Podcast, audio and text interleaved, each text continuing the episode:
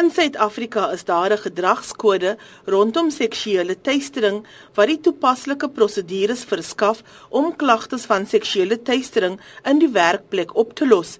Die gedragskode definieer seksuele teistering as 'n ongewenste optrede van 'n seksuele aard. 'n Arbeidsontleder Michael Bagraham verduidelik. Sexual harassment and the operative words is unwanted.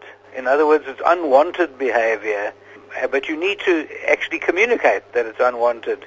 Uh, when you have two staff members who flirt with each other, or you have two staff members who are dating, when that dating relationship turns sour, that doesn't constitute sexual harassment. What sexual harassment is, is someone says no in no uncertain terms, and then that person then pursues it. 'n Kaapstadse bestuurder Adrian Simmons het tydens 'n sakereis 'n vroue konsultant gevra of sy 'n intieme aand met hom wil deurbring.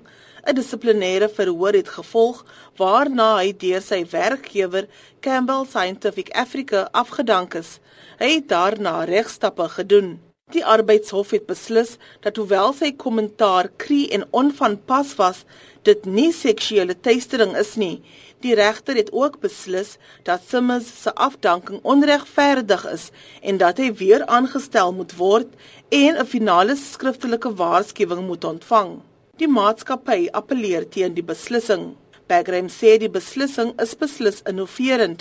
Hy sê een van die faktore wat 'n rol gespeel het, is dat die vrou nie 'n kollega is nie, maar 'n kliënt van die maatskappy.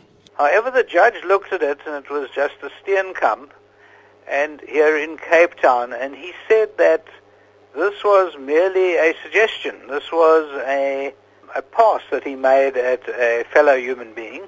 In the normal course of events, people do invite people out for a date, uh, and he said this was more or less that.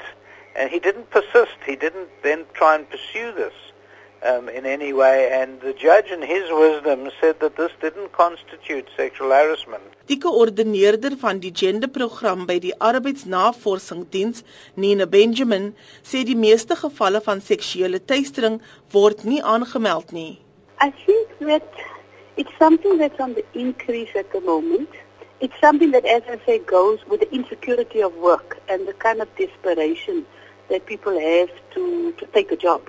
That there's not a lot of understanding necessarily of what constitutes sexual harassment, both, you know, from my men who are often seen as the, the, the, the perpetrators of this, but even for the women that are there. As I said, there's a kind of an acceptance that this is we have to live with this. Die gedragskode verskaf riglyne waar volgens maatskappye moet optree indien daar 'n seksuele teistering voorval in die werksplek aangemeld word. Dit sluit in dat die werknemer hulp van haar vakbond kan ontvang of na die kommissie vir versoening, bemiddeling en arbitrasie kan gaan. Sodra die werknemer 'n amptelike klag ingedien het, moet die maatskappy die saak ondersoek. Benjamin sê die grootste uitdaging is om slagoffers sover te kry om te praat. The harassment uh, might not be obvious to anyone else. They don't feel they've got, you know, the confidence, the support of everyone around them to lay a charge. And they might speak to one or two people initially. So what we found from our work is that that kind of initial contact that they have maybe with other fellow workers or possibly with union representatives it's a process then of giving them the sense of, you know, what they need to do then.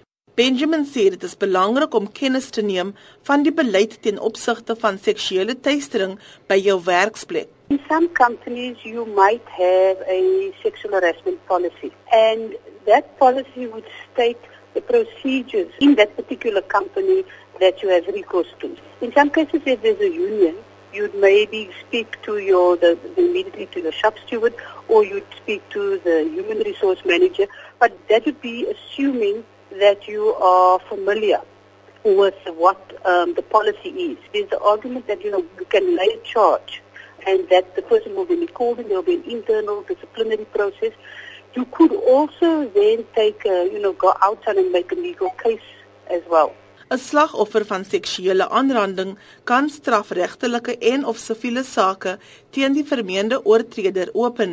Die gedragskode beperk geensins die wetlike regte van 'n slagoffer nie. Ek is Berenice Mas in Kaapstad.